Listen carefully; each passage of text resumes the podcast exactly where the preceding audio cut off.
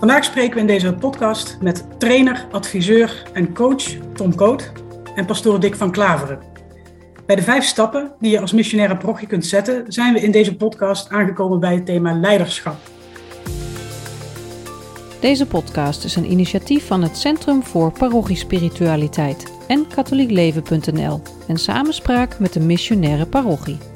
Tom Koot is trainer bij bureau Expand en verbonden aan KPC Groep, een bureau voor onderwijsondersteuning. Pastoor van Klaver is werkzaam in de parochie Sint-Jan de Doper in Gouda en omgeving en pastoor van de parochies in Haastrecht en Schoonhoven. We spreken met hen over leiderschap en de missionaire parochie. Wij, dat zijn Mirjam Spruit van het Centrum voor Parochiespiritualiteit. Zij is betrokken bij een conferentie over de missionaire parochie in maart 2022 in Breda. En ik ben Daphne van Roosendaal van katholiekleven.nl. We hebben van tevoren bij deze podcast even doorgesproken hoe we elkaar gaan noemen. Dus we mogen uh, tutoyeren, je zeggen. Tom en Pastoor van Klaveren. Uh, we spreken elkaar via Zoom. Bij Pastoor van Klaveren kan ik een beetje zien waar die, uh, waar die zit. Ik zie schilderijtjes op de achtergrond. Maar bij Tom kan ik het eigenlijk niet zien, want die heeft heel enthousiast um, als achtergrond bij Zoom de, de, de afbeelding van de missionaire parochie geplaatst. Ik lees op internet, uh, Tom, over jouw werk dat je mensen en organisaties wil ondersteunen in het realiseren van hun unieke roeping. Als ik het goed heb, ben je leraar van huis uit en je bent een parochiebestuurder geweest. Ik ben inderdaad uh, opgeleid als docent uh, geschiedenis en Engels voor het, voor het onderwijs. en via allerlei omzwervingen in het internationaal bedrijfsleven en politiek en in Brussel werk ik nu, nadat ik uit het kerkbestuur ben gegaan, bij Expand. En daar begeleid ik parochies als het gaat over parochievernieuwing. En dan nu heel in het bijzonder naar de missionaire parochie. En ik zit in het landelijke team, in de landelijke voorbereidingsgroep uh, voor de missionaire parochie, zowel in Nederland als in Vlaanderen. En dan bedoel je voor de conferentie met name? Voor de conferentie. Van maart 2022. Ja, ja, ja. ja. En uh, jij was het die voorstelde om uh, Pastoor van Klaveren ook uit te nodigen voor deze podcast. Want in andere afleveringen hebben we telkens één gast, maar nu zijn we met twee gasten. Ja. Um, we hebben afgesproken dat we Pastoor van Klaveren zeggen, maar ook mogen tutoyeren. Dus uh, de pastoor wordt, wordt je. Waarom, Pastoor van Klaveren, denk je dat Tom jou heeft gevraagd om mee te doen aan deze podcast? En dan komen we meteen ook in een stukje voorstellen. Ja, precies. Ik eh, ben uh, dan pastoor in de, Sint-Jan de parochie. Daar is onlangs dan ook inderdaad Schoonhoven en Haastrecht uh, bijgekomen. Ehm, maar laten we maar even naar de Sint-Jan de parochie kijken. Dat is een fusieparochie. Het is ooit in een ver verleden maar liefst tien parochies geweest. nu elf jaar geleden is dat die ene parochie geworden. En dan heb je ineens een geweldige opdracht. hoe zo'n fusieparochie nou eigenlijk in elkaar moet steken. Hoe dat nou moet gaan werken. En, uh, en wij zijn daar eigenlijk heel lang uh, de vertrouwde patronen in blijven volgen. Uh, met de formule gemeenschap van gemeenschappen. alsof op iedere locatie een hele volwaardige kerk bestaat of kan blijven bestaan. En we zagen dat daar wel heel veel druk op komt te staan. En dat die verspreiding eigenlijk ja, gewoon alleen maar moeizaam werkt komen de krachten bovendrijven. Hè, daar moeten we onze lieve Heer heel erg dankbaar voor zijn dat dat dan zo mag gaan. Uh, die uh, uh, met een heel ander soort invalshoek proberen naar die kerk te kijken. Um, veel meer uitgaan, niet zozeer van een organisatie die we op moeten zien te vullen met, met vrijwilligers, maar een gemeenschap van gelovigen die allemaal hun eigen mogelijkheden en talenten bij elkaar brengen. En, en, en dat is de kerk. En, en ineens gaat er dan een hele andere dynamiek ontstaan.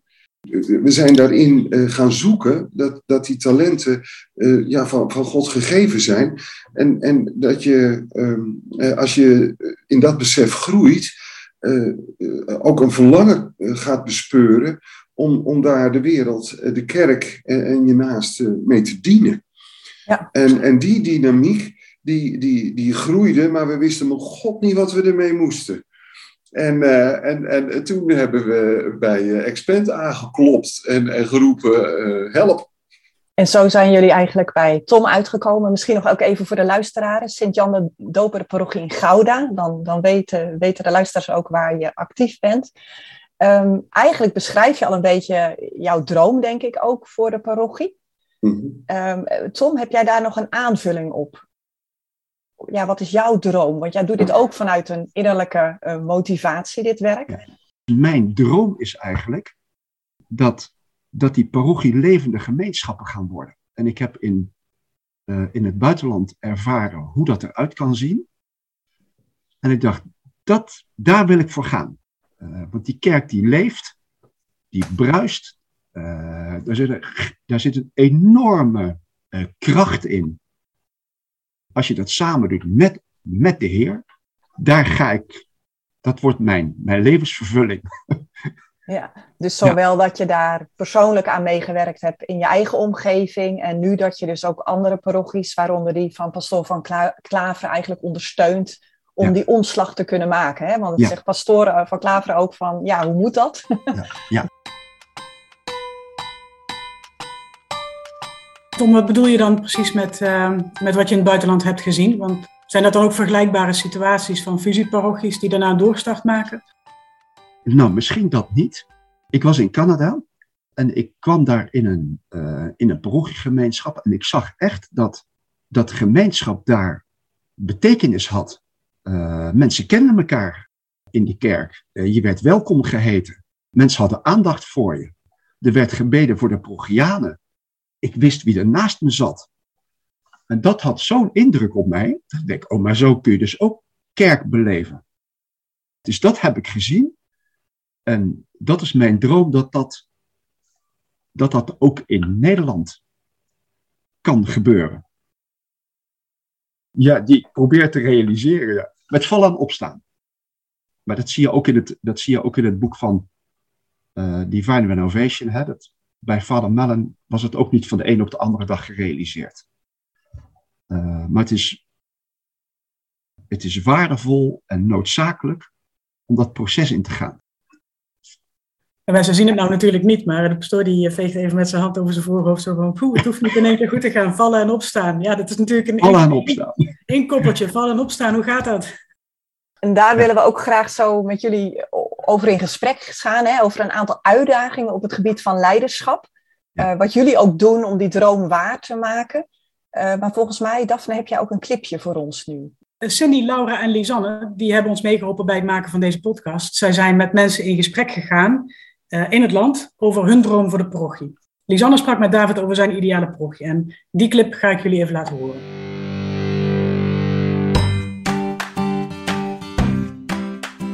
Oké, en als je nou een, zou mogen, helemaal zou mogen dromen van, nou zo ziet mijn ideale parochie eruit. Hoe zou dat er voor jou dan uitzien? Ik denk dat het in ieder geval heel erg gaaf zou zijn om ook de input vanuit um, vanuit de kerkgemeenschap, dus vanuit de mensen die echt in de kerk zitten, ook te vergroten. Omdat ik denk dat er in de kerk, ja, maar vooral ook voor de jongere mensen, je hebt soms het idee dat je in de kerk soort van publiek vormt. En gedurende een uh, mis, ja, dat is wat je gewend bent en dat is ook goed. Uh, want het, het draait tijdens de mis natuurlijk allemaal om wat er rondom het altaar gebeurt. Maar rondom de mis en vooral ook na de mis zijn er zoveel andere mensen die ook um, dingen hebben meegemaakt, die getuigenissen kunnen vertellen, die um, talent hebben om te zingen of om, ja, die echt, er zijn zoveel verschillende mensen met zoveel verschillende, uh, zoveel verschillende talenten, dat ik het altijd een beetje jammer vind om, om daar in de progie niks van terug te zien. Dus dan zie je soms mensen in een ander scenario of in een andere, op een andere plek en dan denk je, oh, die heeft echt veel te vertellen, dat is echt heel gaaf. Alleen dan zit je in de kerk en dan zit je daar een uur uh, samen. En dan uh, kijk je vooral naar wat er op het altaar gebeurt, zoals natuurlijk ook de bedoeling is. Maar vervolgens gaat iedereen naar huis en dan denk je van nou, dat, uh, het was goed, ga je ook naar huis, ga je koffie drinken en dan is het afgesloten. Terwijl er eigenlijk zoveel meer is in de parochie en in de mensen die er zijn. Dat ik het, ja, bijvoorbeeld als je iets gaafs hebt meegemaakt, hoe gaaf is het dan als je anderen daarmee ook kan inspireren? En vooral als jongeren onderling, waarbij het ja, toch best wel vaak ervaren wordt als een soort plicht om mee te gaan met je ouders. Uh, als je dan juist ook in verbinding kan komen te staan, maar dan niet op een manier dat het heel erg geforceerd is, maar dat het um, vanuit, vanuit een interesse komt. En als iemand dan eerst iets vertelt, dan heb je eigenlijk al meteen een natuurlijke, natuurlijke interesse gewekt, of in ieder geval bij sommigen misschien, uh, die dan vragen gaan stellen. En ja, en die vragen, dat is natuurlijk wat je wil hebben uiteindelijk om ook iets te kunnen bouwen. Mm -hmm. um, ja, dus Kort gezegd is het voor mij de input vanuit ook de geloofsgemeenschap, eh, die dan niet alleen als publiek geldt, maar ook echt als gemeenschap eh, die elkaar sterkt, zeg maar. Het is mooi dat hij dat, dat, hij dat ook zegt, dat het, uh, dat het vanuit plicht naar natuurlijke uh, interesse gaat. Dus je gaat niet naar de kerk omdat je moet, maar je gaat naar de kerk omdat je wil. Uh, omdat je bij die gemeenschap wil horen. Omdat het een plek is waar je kan groeien. Maar dat is natuurlijk echt heel nieuw denken. Als je zo naar de kerk gaat. Ja. De, de ontmoeting, het met elkaar begaan zijn, het in de ander zien wat, wat, wie die is en wat die, wat die kan betekenen. Uh, dat is iets wat nou juist voor en, en buiten uh, het vieren van die Eucharistie uh, allemaal gebeuren moet. En dan wordt inderdaad het vieren van de Eucharistie een soort kroon, op, op dat hele kerkelijke leven. Ja. Ja. En Tom, jij wou ook nog iets aanvullen daarop? Ja, ik, vind het, ik vond het wel een, een mooi beeld wat jij altijd aangeeft. Hè? Dat, dat, je, dat jij een, een keer zei in het, in het leiderschapsteam, hè, hoe mooi zou het zijn als alle mensen die nu als vrijwilliger in, in werkgroepen zitten, in teams zitten, als die hun cv's gewoon allemaal op tafel leggen en dat we vervolgens eens na gaan denken over en waar word je nou toe geroepen? En is dat de plek waar je dan nu zit? Of is dat misschien wel een hele andere plek? Heb ik altijd een heel mooi beeld gevonden als het gaat over nou, hoe dien je nou uh, met je talent kerk en samenleving? Ja, dus een andere, niet... andere manier van denken. In plaats van de gaten vullen, wat ik veel ook wel zie in parochies. Kijken wie, aan welke mensen geeft de Heer ons nu? En, en wat zijn hun talenten en gaven? Wat is hun roeping? Uh, en dan komen we denk ik al bij een hele belangrijke taak van het leiderschap. Hè? Om dat te ondersteunen, dat proberen naar boven te halen. Ja, um, ja. Maar dat is natuurlijk ook niet altijd zo makkelijk. En uh, ik zou eigenlijk met jullie ook willen nadenken over uh, een paar uitdagingen op dat gebied van leiderschap. Met name dat leiderschap van een parochie. Waar Pastor van Klaver al een beetje zo zei van, van poeh, dat is best een hele weg. Ja. Um, Tom, misschien om te beginnen, van wat, wat zie jij als een eerste belangrijke uitdaging op dat gebied van leiderschap op dit moment ook in de parochies in Nederland en Vlaanderen? ik denk dat een, dat een hele belangrijke uitdaging is, is dat je durft op te staan. Wat ik zelf gemerkt heb, uh, ook als kerkbestuurder, dat is dat je je op een heilige manier gaat irriteren aan een aantal zaken. en dat kan bijvoorbeeld zijn, er wordt zoveel inspanning gedaan aan mensen en, ik, en het lijkt geen vrucht te dragen. Het lijkt niet te groeien. We zijn vooral bezig met, met weerstanden um, en hoe mensen met elkaar omgaan. Maar datgene wat je eigenlijk als gemeenschap zou moeten doen, dat zie je helemaal niet terug. Dus in wat voor plek zit ik eigenlijk? En daar en waartoe, ja. En waartoe is ook de parochie geroepen, denk ik. Hè? Wat, wat is, ja, ja, pastoor van ja. Klaveren, herkent u dit? Wat, wat pastoor, uh, wat, wat, uh, pastoor Romeina, wat Tom, Tom zegt? Of? Ja, uh, heel erg. maar als, als het ergens begint, hè, de, wat Tom als eerste aangaf, ergens moet de pastoor opstaan en zeggen, en, en nu anders. Dat kan nog erg spannend zijn als dat alleen maar betekent dat, dat de pastoor ineens vindt dat er iets uh, veranderen moet. Naar mij komt er ook weer eens een keer een andere pastoor, die vindt er kennelijk ook weer wat of zo.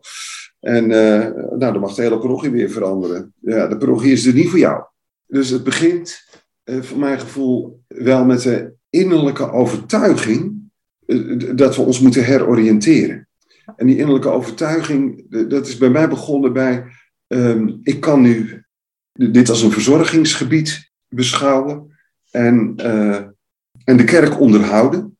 Maar één ding weet ik dan zeker, dat dat zachtjes aan uitgaat. Ik heb mij bedacht, het kan niet zo zijn dat over twintig jaar mensen tegen mij zeggen, als ik dan nog het leven heb, je wist het en waarom heb je niks gedaan? Nou, dan ga je uh, dingen verzinnen uh, hoe het dan misschien anders moet. Daar zeggen misschien mensen over twintig jaar van hoe heb je dat nou kunnen verzinnen? dat zou zomaar kunnen. Maar ze kunnen niet tegen me zeggen, je hebt niets gedaan. Tweede, nog veel belangrijker, als het gaat om de innerlijke overtuiging dat er wat moet, dan uh, is daarin wel essentieel dat het even niet gaat over eigen opvattingen of eigen ideeën. Hmm, of uh, met elkaar een plannetje maken. Hoe we denken dat we het efficiënt of gelikt voor de bak kunnen krijgen. Wat voor mij echt een, een enorm uh, inzicht is, ge, is geworden, is dat we eigenlijk een beetje vergeten waren dat de kerk om de Heer draait. En niet om ons. En, en dat het ons wordt gegund om, om, uh, om, om in zijn genade de kerk te zijn.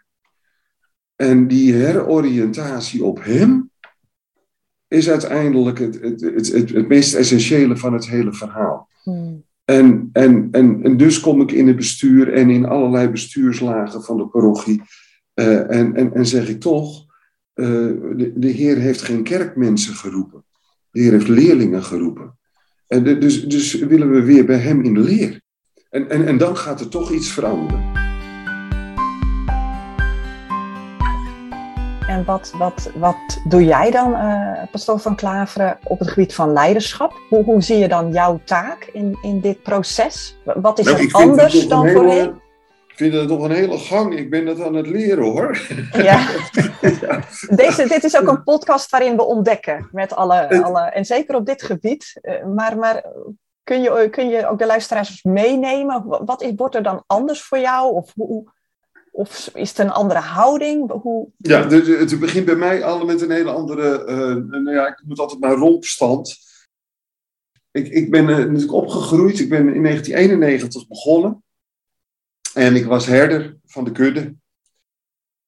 Met alle schaapjes begaan. En uh, en daar ook heel erg mee bezig. En je kwam elkaar ook voortdurend tegen. En dat kon ook.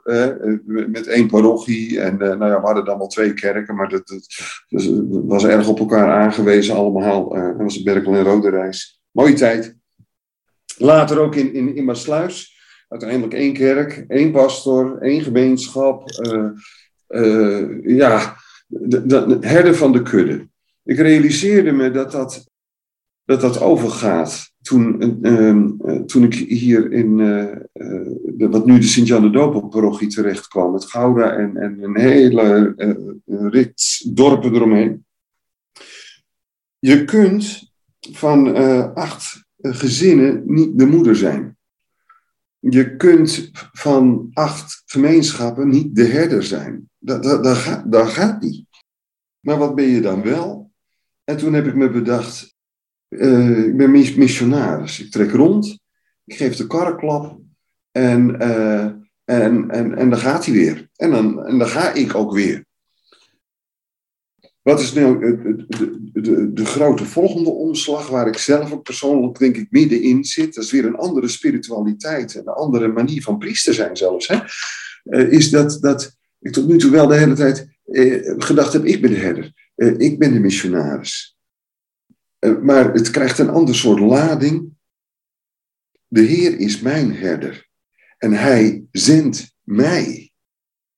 En, en, en dat, is een, dat, dat is een oriëntatie op Hem. Uh, hier ben ik, Heer. Wat vraagt u van me? En dan ook maar durven aan te gaan met mensen. Uh, welke inzichten schenkt Hij ons dan? En welke weg opent Hij dan voor ons? En welke mensen schenkt Hij ons? Om te ontdekken welke weg we dan als kerk, als geloofsgemeenschappen, als parochie eh, moeten gaan. En die, die heroriëntatie, die is denk ik de meest wezenlijke. En niet alleen voor mij. Dat, dat, dat wil je losweken bij, bij iedereen die zich inzet. Ik zal een voorbeeld noemen. We zijn hier in, in het Goudse, want daar is het eigenlijk allemaal erg boven komen drijven. En, en, en uh, daar zijn ook al wat meer stappen gezet in, dat hele, uh, in die hele cultuurverandering. En want dat is het. We zijn niet aan het reorganiseren. Dat moet dienstig zijn aan een, aan een andere kerk, zou ik bijna zeggen. Hier uh, uh, mee bezig gegaan. Kwamen allemaal mensen bovendrijven. En die zeiden, nou, als dat de blikrichting is, pastoor, ik doe mee. En mensen die allemaal feestelijk hadden bedankt om in locatieraden, pastoraatgroepen, weet ik veel wat voor werkgroepen eh, mee te gaan doen. Maar die zeiden, als we dit gaan doen, eh, mij heb je. Vervolgens eh, worden er een aantal teams ingericht. Tom, je bent er allemaal heel dichtbij geweest. Een soort leiderschapsteam, of ja, geef er maar een naam aan. En, en, en, en die gaan, gaan de richting aangeven. En wat gebeurt er in de hele workload? Van allemaal dingen die geregeld moeten worden, die er gebeur, uh, moeten gebeuren. Alle weerstanden, hè, Tommy had het er net over, die, die, die je dan oproept omdat dat we in dingen opschorten of van dingen zeggen, we gaan het gewoon niet meer doen of niet meer op deze manier doen. Of, uh, in die hele workload verzandt ineens dat coördinatorenteam wat, wat met groot land begint tot een soort locatieraad 2.0 je, je, het lijkt wel of je weer terechtkomt waar je vandaan kwam. Maar dan met een paar mensen die dan misschien een slagje jongens zijn. Wat ik heb gedaan is, als het dan over leiderschap gaat, uh, eerst maar daar de vinger op de zere plek. Jongens, we zijn kwijtgeraakt hoe we ook weer wilden beginnen. En waar het ook weer om begonnen was. Dan zullen we ons maar weer eens even herbronnen. Waartoe was het ook weer? En waar wil hij ons nou brengen? En, en, en, en we zijn weer begonnen met opnieuw woorden te geven aan het geloof dat in ons leeft. En, en, en, en ons verlangen om, om, om te zien wat Hij nou van ons vraagt. Echt waar? Ineens zijn die vergaderingen niet meer zo vergaderig, maar zijn inspirerende bijeenkomsten waarin mensen elkaar stimuleren, waarin ze delen welke dingen ze hebben meegemaakt en waar, waar je dankbaar en blij om kan zijn. En natuurlijk ligt er ook nog een heel stapeltje zorgen, maar daar ga je dan ineens op een andere manier mee om. Belangrijk is natuurlijk dat je, sorry dat ik je onderbreek, uh, belangrijk is natuurlijk wat Tom ook zei, van ja, je moet het besef hebben van we willen veranderen. En daar is een herbronning, een heroriëntatie voor nodig. Je hebt ook al even iets gezegd van over hoe, hoe je mensen meeneemt in zo'n verandering. Maar je zegt ook van ja, je valt zomaar weer terug in oude patronen, dan heb je een 2.0. Ja. Misschien kan Tom daar iets meer over vertellen. Want je, je, ja, je hebt natuurlijk contact met, met, met pastoor Verklaveren, maar ook met andere parochies, uh, pastoors. Dus... Nu ga je met geheim verklappen. Uh, ja, dat, als, je, als, je, als, je kijkt naar, naar die verandering, hè, dat, wij zeggen uh, wel eens dat, wij noemen het een transitie. En wat bedoelen we daarmee? En ik pak even het beeld van, uh, van de Exodus. Het is het, het, het Joodse volk wat vanuit Egypte naar het beloofde land gaat via de woestijn. Um, en het proces wat pastoor Verklaveren uh, schetst, dat is, hé, hey, nou zit je, uh, we zijn op weg gegaan. Uh, we hebben onze missie en visie geformuleerd. We hebben teamleiders gecreëerd. Ehm, en wat zie ik nu gebeuren? Ja, we zitten eigenlijk weer gewoon de dingen te doen zoals we deden toen we in Egypte zaten. Maar we waren toch op weg naar Cana. En dat is precies wat er, uh, wat er gebeurt. En dat, vandaar dat, dat ik dat beeld uh, hanteer. Want op het moment dat je in die woestijn zit, dan denk je ook wel eens: God, is allemaal wel heel erg veel allemaal. En waar zijn we eigenlijk mee begonnen? Waren we maar niet veranderd? Waren we maar in Egypte gebleven? Bij de vleespotten, dan wist je wat je had. Snap je? En dat is nou net het ingewikkelde met zo'n transitieproces. Mm. Dan vraagt het van het leiderschap van de pastoor, en dat hoor ik dus ook, en dat, dat zag ik ook gebeuren, dat je dan opnieuw met je boodschap moet komen. Dat je continu moet vertellen, weet je nog, daar gingen wij naartoe, daar stond die stip op de horizon. Ja, wat ik ook wel mooi vond eh, aan het begin, Pastoor van Klaveren, dat u zei, toen u dat ook vertelde, van daar willen we heen, dat mensen zichzelf ook bij u begonnen te melden. en zeiden, hé, hey, nu wil ik meedoen. Uh, en ik moet zeggen, dat is ook mijn ervaring in parochies. Dat vaak, uh, ja, pastoors, pastoraal werkers, diaken zeggen, ja, maar er zijn geen mensen, niemand wil. Uh, en ik heb gemerkt dat als er toch vanuit de parochie, vanuit de pastoor, maar uit een pastoorteam, mensen daaromheen, een visie komt, dat mensen gaan aanhaken, um, die ook hele drukke mensen, die zeiden dat ze geen tijd hadden. Ehm, dus ik, ik heb dat elke keer, zie ik dat gebeuren. Natuurlijk niet in megagetalen, maar ik zie gebeuren dat de Heer mensen roept. En dat de Heer eigenlijk al mensen klaarmaakt om in te stappen. In de omslag naar zo'n missionaire parochie toe heb je ook elkaar echt, eh, echt nodig daarin. Ja, dat is ook wel mooi dat, dat je dat zegt. Want volgens mij dat God zelf is met ieder individu bezig. Uh, met iedere persoon die hij geschapen heeft, heeft hij een lijntje. En wij denken, wij zien dat lijntje niet, dus wij moeten die, wij moeten die progiaan of die gelovigen, die moeten wij op sleeptouw nemen. Maar die is al op sleeptouw door de Heer. Wij moeten alleen dat sleeptouw zien, zodat we met de, weer, met de Heer mee kunnen werken uh, daarin. Wat zijn nog, uh, Tom, we, we, hebben het over dit punt gehad dat je eigenlijk zei, um, ja, dat, dat innerlijke, hè, die innerlijke motivatie bij de pastoor, maar ook bij anderen om ook het aan te durven. Ja. We hebben daar iets over gehoord van pastoor van Klaver ook. Heb je nog andere uitdagingen die jij ziet op het gebied van leiderschap in de parochie um, op dit moment? Nou, een van die uh, uitdagingen is ook, en de pastoor zei het zelf ook, ga ik dit alleen doen of ga ik het met het team doen? En dat betekent dat uh, voor de pastorale visie, uh, dat, dat de pastoor daar leiderschap op zich uh, neemt en moet nemen.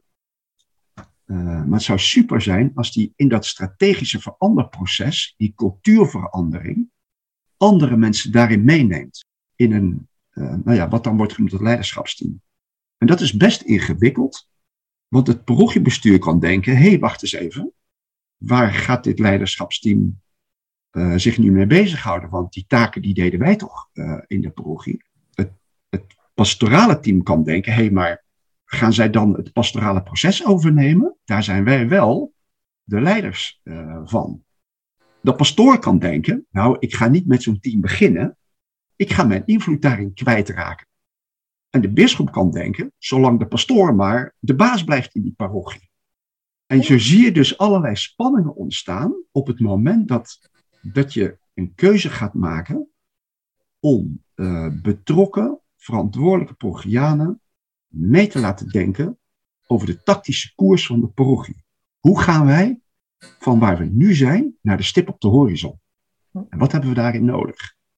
Nou ja, het is, daarmee zie je dus, dat, er wordt wel eens van leiderschap gezegd, dat, dat leiderschap begint bij leiding geven aan jezelf. Um, en dan zijn er mensen die geroepen zijn om leiding te geven aan projecten. En er zijn weer anderen zijn geroepen om leiding te geven aan, aan, aan, aan, aan mensen of aan grote organisaties. Maar de basis van leiderschap is, kun je leiding geven aan jezelf? En hmm. als je dat vertaalt naar die missionaire parochie, zijn dat precies de vragen die de pastoor noemt. Uh, als ik leider ben uh, of wil zijn binnen de parochie, dan moet ik mijzelf de vraag durven stellen wat geloof ik eigenlijk? Dus dat is heel kwetsbaar. Maar als je die vraag niet aan jezelf durft te stellen, dan wordt het in leiding geven heel ingewikkeld. Ieder van ons, zoals hij op deze aarde rondloopt, uh, heeft leiderschap gekregen bij Genesis. God heeft de wereld geschapen met alles wat erop zit en heeft vervolgens tegen de mensen gezegd: hier is het en bouw het uit. Daarmee geeft hij een stuk leiderschap aan ons. Wij zijn verantwoordelijk gemaakt. En dat betekent dat, dat het niet een vraag is of je leider wil worden. Je bent het al. Maar de vraag is, waar ga je leiding aan geven? En waar ga je goed leiding aan geven? Waar zit dan jouw roeping als het gaat om het dienstwerk wat je te doen hebt? Dus leiding geven is eigenlijk een vorm van dienstwerk, zeg je dan toch? Hè? Of, exact, of... exact, exact. Dus leiding geven en in het, in, in het bijzonder in een parochie natuurlijk een pastoor, maar met, met hem nog anderen ook. Uh, ja. Speciaal voor die parochie. En, en op een bepaalde manier allemaal in ons eigen persoonlijke leven natuurlijk ook. Hè. Oefenen we iets van, van invloed uit, hè, denk exact. Ik. Ja, ja, ja. Dus, we kennen misschien wel de, de, de, de filosoof, de, de priesterfilosoof Romano Guardini, hè, die, die ook zegt, hè, leidinggeven is invloed uit te oefenen op gedrag. Dat doen wij allemaal.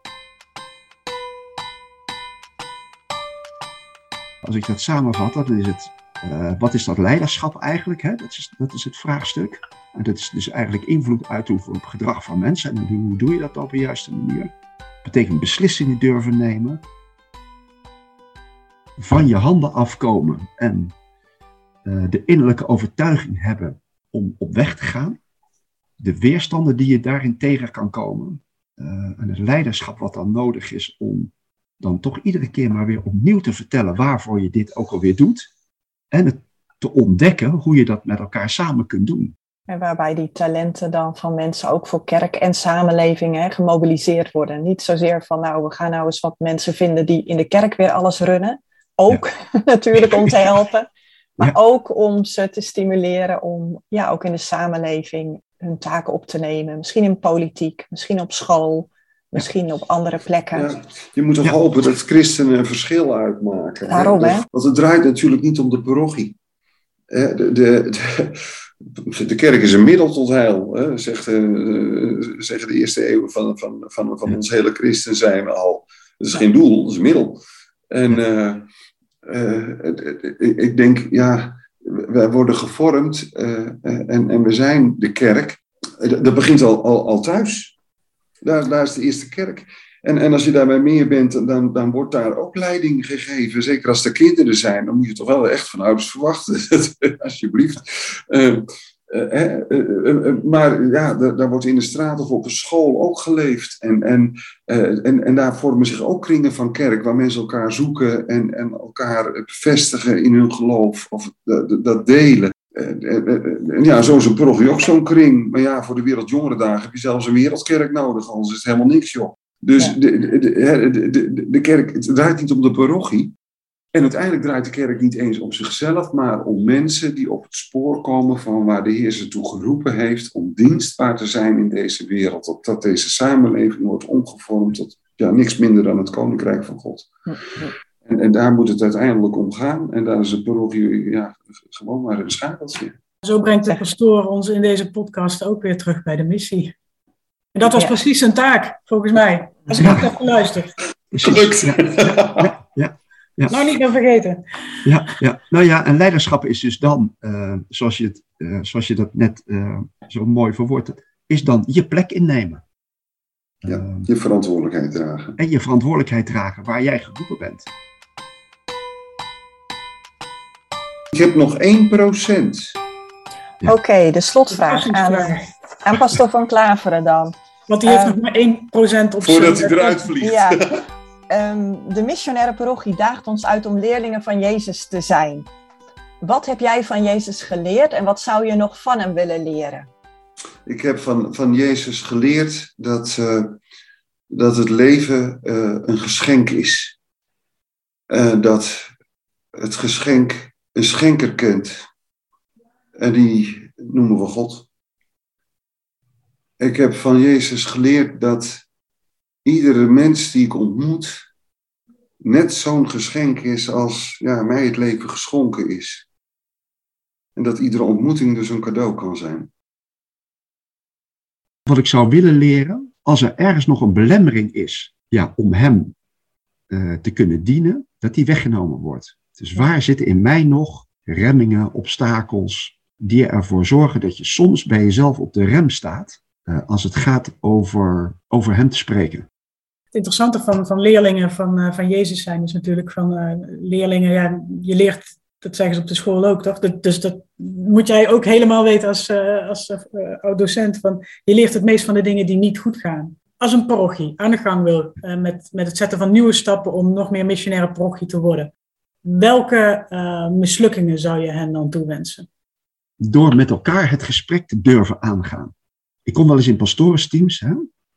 En dan merk ik dat een aantal onderwerpen niet besproken kunnen worden. Bijvoorbeeld, uh, wat, is, wat zijn godsbeelden die mensen hebben? Dus, dus de geloofsvragen. En als ik die dan zo heel naïef stel, dan zie ik gewoon de spanning toenemen in zo'n team. Van ja, daar, daar, daar hebben we het maar niet over. Want ik zie dat uh, mijn collega daar op een hele andere manier over denkt. Denk, ja, daar moet je het dan dus over gaan hebben. Dus de beste mislukking is eigenlijk uh, als je tegen gespreksonderwerpen aanloopt waar je het eigenlijk niet met elkaar over hebt, ja. kunt ja. hebben, wilt hebben. Ja.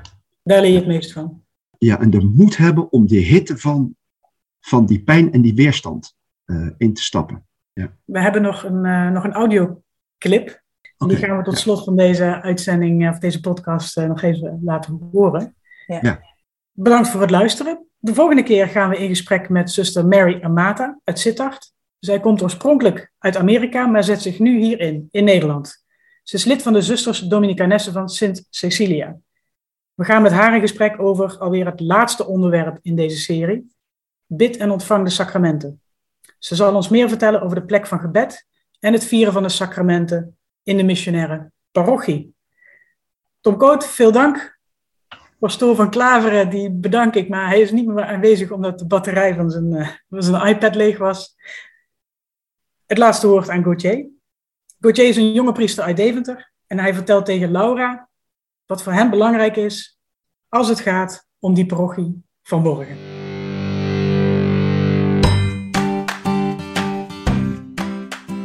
Het is natuurlijk heel, het is best wel een opgave, best wel een uitdaging, maar ja, welke kleine dingen kunt u al doen of kunt u al binnen uw eigen kerk doen om, uh, of waar zijn jullie op dat moment of nu al mee bezig? Um... Nou ja, ik, ik denk dat het belangrijk is om te zoeken naar uh, kansen waar we uh, kunnen groeien of waar we oog hebben voor de kerk van morgen. De, die mensen die daar ook letterlijk morgen uh, zich op betrokken weten. Dus zoeken naar kansen om juist ook oog te hebben voor gezinnen, voor mensen die zich betrokken weten op de kerk uh, van morgen. Um, en daarmee bedoel ik niet dat we geen oog moeten hebben voor mensen die hun hele leven lang trouw katholiek zijn geweest. Zeker niet. Maar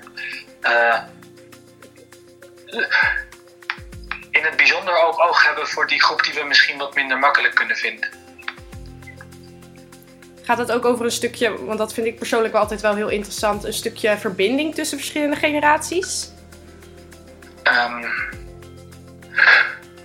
ja, uh, dat ook omdat we zijn allemaal onderdeel van diezelfde kerk. En uh, daarin zijn we geen concurrenten van elkaar. Daarin kunnen we elkaar van elkaar leren en elkaar versterken. Dus het is heel mooi als we daar verbindingen weten te vinden.